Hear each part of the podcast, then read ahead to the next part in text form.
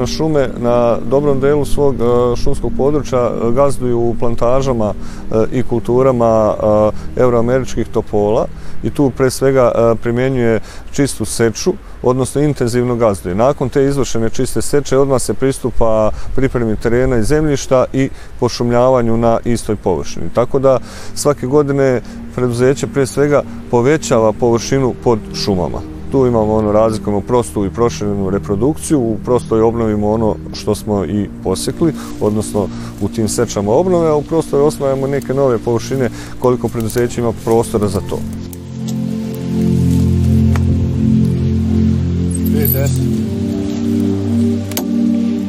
3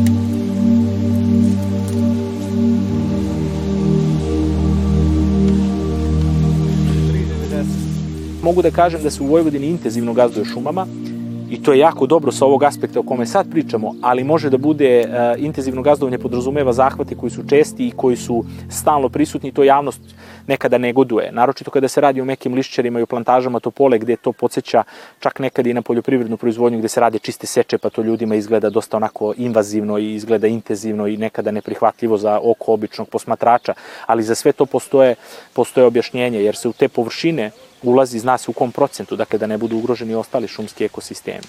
Tako da u tom smislu je jako važno kada se već uđe u šumu da se izvuče maksimum i u kvalitativnom i u kvantitativnom smislu. Mi imamo hrastove šume u Sremu koje su stare preko 150 godina. Dakle, kada koristite takvu šumu, morate dodatno da budete oprezni da neko ko je, to je, to je nekoliko generacija šumara negovalo da bi na kraju neko možda upropastio prilikom same manipulacije, obaranja stabla i tako dalje.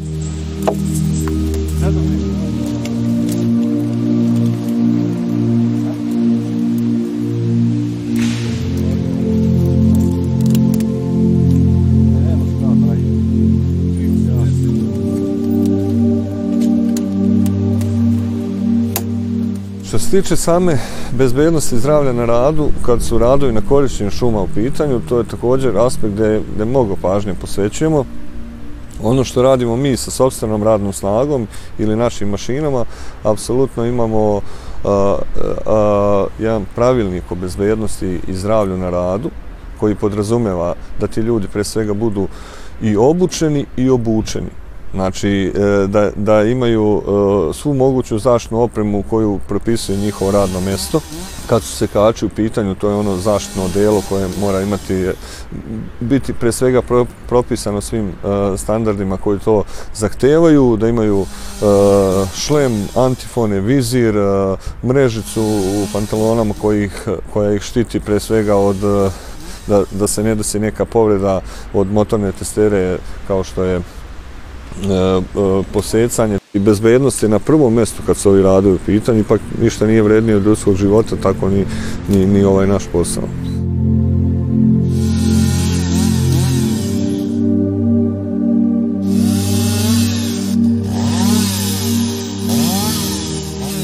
Dosta je to odgovoran posao ljudi, a pritom moram da kažem da šumari nemaju kancelarijski posao. Ima naravno i deo koji se odnosi na kancelariju, ali to je posao na terenu u svim vremenskim uslovima, tako da je to dosta jedan zahtevan i lep posao na kraju krajeva. Ja radim u prirodi to je velika privilegija. Ja sam često nek, nekim vašim kolegima, kolegama volim da kažem da je privilegija biti šumar u ovom vremenu. Dakle, ljudi plaćaju da idu u prirodu, mi smo u prirodi po, po, po zadatku, što se kaže.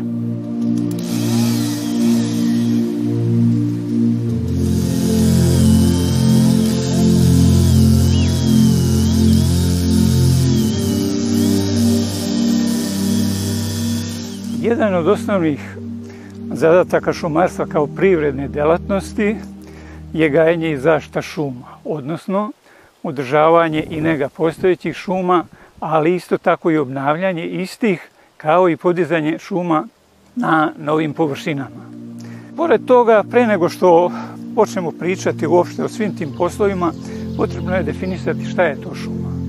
Šumu moramo posmatrati kao jedan od najsloženijih sistema u prirodi, koji se sastoji od dva međusobno povezana i uslovljena dela, to je sav živi svet, odnosno biocenoza, kao i sredina u kojoj se taj svet nalazi, odnosno stanište. E sada u takvim uslovima, ako posmatramo šumu, treba reći da je to jedan dinamičan sistem u kom se održava, odvijaju stalno određeni procesi.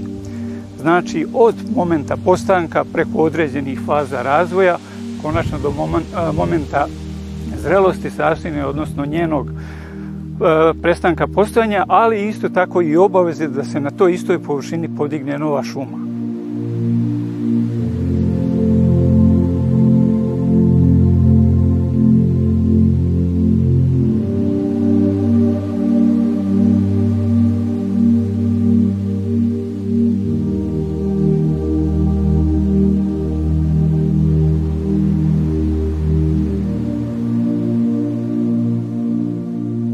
Sadnja predstavlja jednu od faza rada prilikom obnove šuma.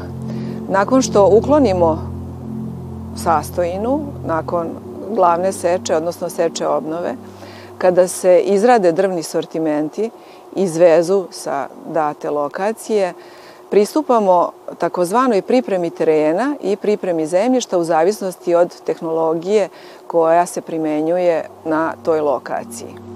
Vrlo često uklanjanje režijskog ostatka sprovodimo uz pomoć lokalnog stanovništva.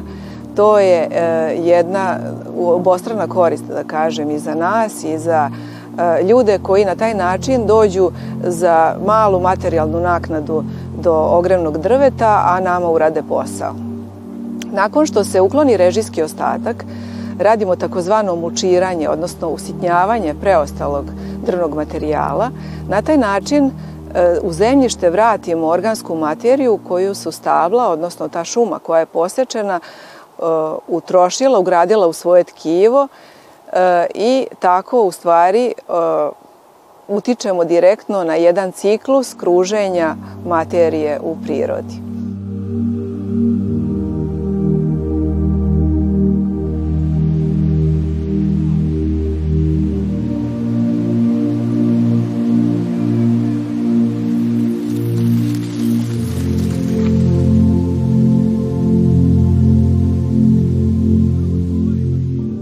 Sama sadnja podrazumeva trasiranje. Prvo trasiramo redove, ako pričamo o topoli recimo, trasiramo redove. E, tipični razmaci sadnje kod obnove topole su 6 puta 3 metra ili 6 metara puta 6 metara rastojanje od sadnice do sadnice. Obeležimo mesta gde će se bušiti rupa i bušimo rupu.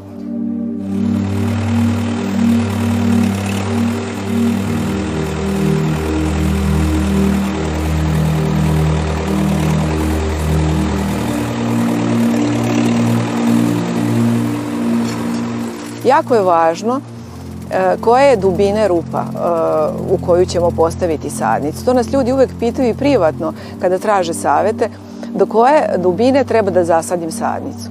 E, ta dubina mora biti e, ona na kojoj je sadnica bila prvobitno u rasadniku. Mi kažemo stručno mora biti zasađena do vrata korena. Znači, to je ona, onaj deo biljke, sadnice, e, gde iz podzemnog e, dela e, gde se razvija koren prelazi u nadzemni.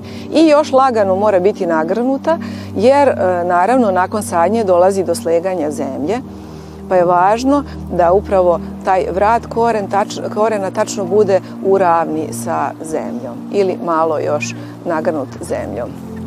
Sama sadnja je vrlo jednostavna. Moramo samo poštovati osnovne principe da ukoliko sadimo sadnicu sa korenom, koren mora biti lepo raspoređen dole na dnu rupe, onda nagrnemo jedan manji sloj zemlje, pa nagazimo recimo, onda nagrnemo još jedan i tako tri puta i na kraju napravimo humku. E, kako znamo da smo dobro zasadili sadnicu? Tako što je ne možemo lako iščupati. To je naj, najlakši test i tako vršimo proveru, odnosno kontrolu kvaliteta sadnje.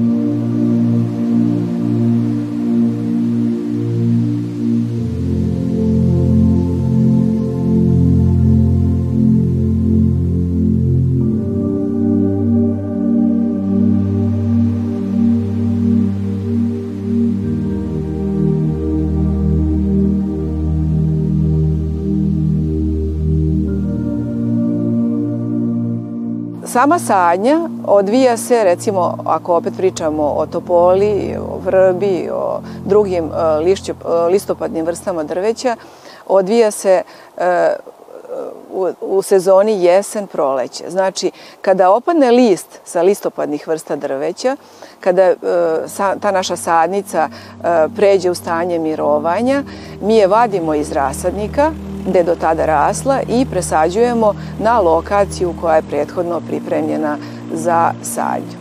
Samo vađenje sadnica radimo delimično mehanizovano, uz pomoć pluga i e, traktora, plug je zakačen za traktor, te sadnice izvadimo, zatim e, radnici e, u rasadniku vrše korekciju korena, tovarimo te naše sadnice u prevodno sredstvo u zavisnosti od toga da li će sadnja ići odmah u tom danu ili ako neće mi te sadnice skladištimo odnosno čuvamo u trapovima ili u bazenima sa vodom što je naročito prijato poli i e, onda e, isporuku vršimo sukcesivno kako je priprema terena, znači kako smo izbušili rupe, tako pratimo sa sadnjom.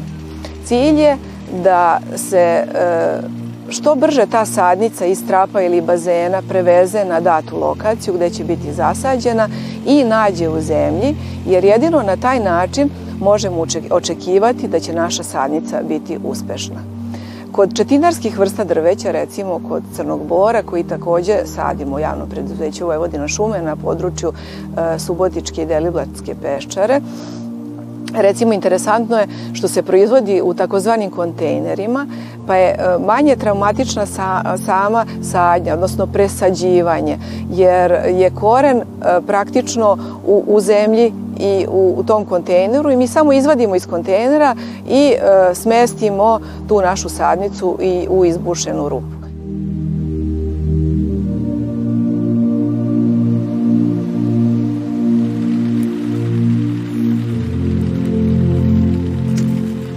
U prvom vegetacionom periodu vršimo redovne mere nege, međuredno održavanje uklanjanje korova, znači uklanjamo konkurenciju i omogućujemo toj našoj topoli da raste u što boljim uslovima, da što pre e, dovoljno ojača da može nesmetano dalje da raste i da se razvije. Naravno, može da se dogodi da se pojave neki insekti u prenamnoženju, u tom slučaju radimo zaštitu, odnosno suzbijanje. Najčešće kad je topola u pitanju vršimo suzbijanje bube listare, pored toga, e, na fini način korigujemo krošnju, uklanjamo neke bočne izvojke koji mogu da se razvijaju u donjim partijama sadnice. Znači, e, praktično kreiramo buduće stablo onako kako ono treba dalje da raste i da, da završi svoj proizvodni ciklus nakon 25 ili 30 godina. Rekoh 25 ili 30 godina, znači to je proizvodni proces, odnosno dužina trajanja proizvodnje topole. Topola je inače e, kao meki lišćer vrsta koja, koju kvalifikuje brzi rast i jedan šumarski inženjer ima satisfakciju da u toku svog životnog veka vidi e, početak proizvodnog e, procesa i sam kraj, što je zaista jedno veliko zadovoljstvo, jer ako pričamo samo recimo o nekim drugim vrstama tvrdih lišćara, recimo hrastu, lužnjaku, moram pomenuti da dužina proizvodnog ciklusa kod hrasta lužnjaka traje čak 120 do 180 godina. To su gotovo četiri generacije šumarskih stručnjaka. E, ovo naročito ističem jer je jako važno da se ovaj, permanentno primenjuju kriterijumi, struka, nauka kako bi se e, ispratilo sve što treba u datom momentu uradile mere negi, uradile prorede, da na kraju o, ostvarimo o, one postavljene ciljeve u planskom dokumentu.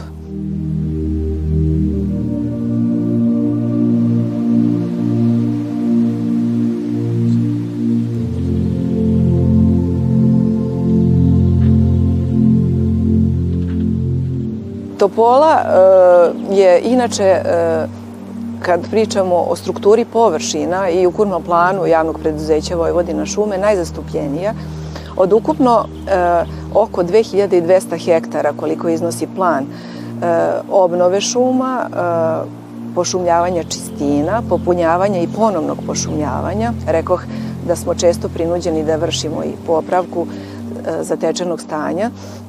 Dakle, od ukupno 2200 hektara koliko na nivou javnog preduzeća Vojvodina šume imamo plan za ovu sezonu, Topola se kreće oko 1600 hektara, što je značajna površina.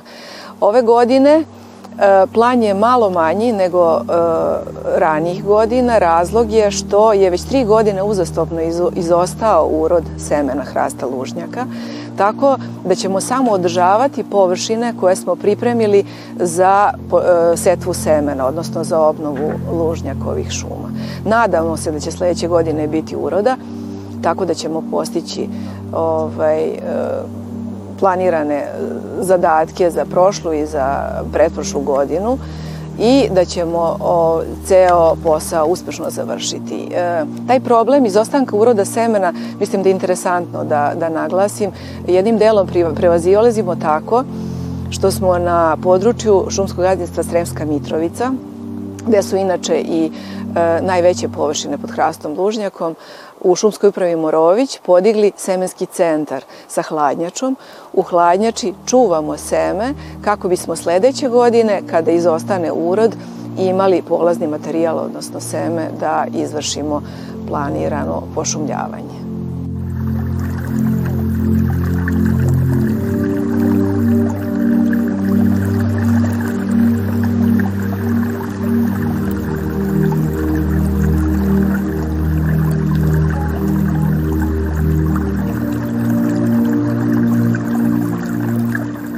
Samom gazdovanju, odnosno upravljanju šumama, pored toga, dakle, neposredno, pored toga što postoje šumska gazdinstva, javna preduzeća, neophodno je bilo, naravno, da e, čitav taj razvoj prati i obrazovanje kadrova i razvoj istraživanja, odnosno i naučno-istraživačka delatnost.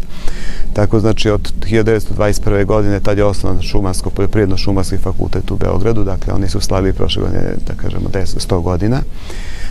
Pored Šumarskog fakulteta Univerziteta u Beogradu postoje još dve naučne kuće koje se bavi istraživanjem u šumarstvu. To je Institut za šumarstvo iz Beograda koji praktično će sada slavi skoro 70 godina i Institut za nizijsko šumarstvo i životnu sredinu iz Novog Sada koji postoji 64 godine do sada. Dakle, te tri institucije su u stvari zadužene deo za obrazovanje kadrova, a deo praktično najviše za, za istraživanja. Dakle, neophodno je da se najnovija saznanja, da se nove tehnologije, novi načini gazdovanja, upravljanja i uopšte sve što se danas događa u svetu prenese i ovde, odnosno da se e, dolaskom, odnosno da se istraživanjima dolazi do poslednjih podataka, novih metoda, načina, patenata, tehničkih rešenja koje se primenjuju direktno u šumarstvu.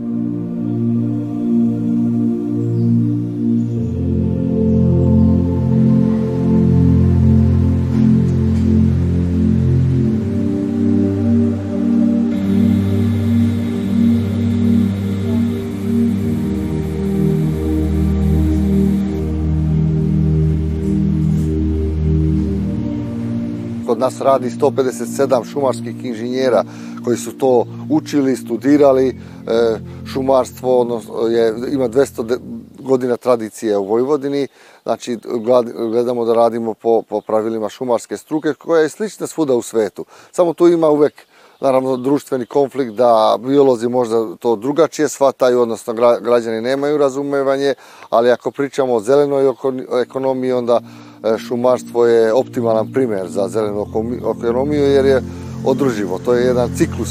Znači, kad je stara šuma, e, sećemo, e, dajemo na raspolaganje tržištu te drvne sortimente i ponovo pošumljavamo. Stara šuma ne veže ugljen dioksid, ne stvara и се оник, а нова млада растуќа шума тоа чини.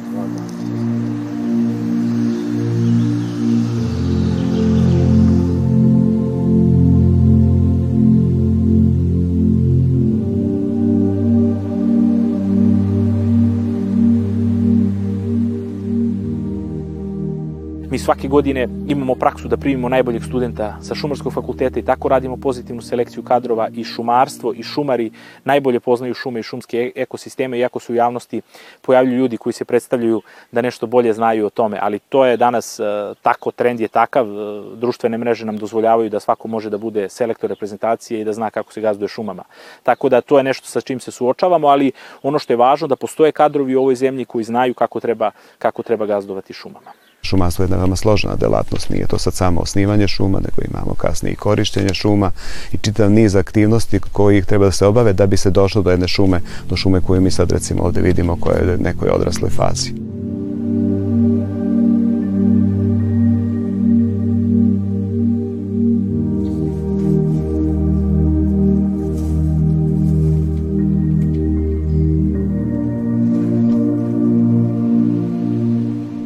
Pokrajinski zavod za zaštitu prirode prema zakonu o zaštiti prirode izdaje mere i uslove gazdovanja šumama unutar zaštićenih, ali unutar i nezaštićenih područja. Dakle, svaka šuma za koju se izrađuje šumska osnova, odnosno osnova, osnova gazdovanja šumama, a, mora da dobije i u sebi inkorporira uslove koje će da propiše naš zavod. Naš zavod u odnosu na to šta se nalazi na, datoj, na datom području, a, na osnovu toga izdaje te uslove. Inženjeri šumarski koji rade na izradi osnove gazdovanja šumama inkorporiraju, odnosno stavljaju mere iz, naših, iz našeg rešenja unutar svojih planova i programa, tako da svi dalji radovi moraju da budu u skladu sa našim uslovima. Na taj način Pokrinjski zavod za zaštitu prirode utiče i učestvuje jednostavno u gazdovanju šumama da bi to sve bilo što bliže, bliže prirodi. Znači mi to zovemo gazdovanje šuma blisko prirodi.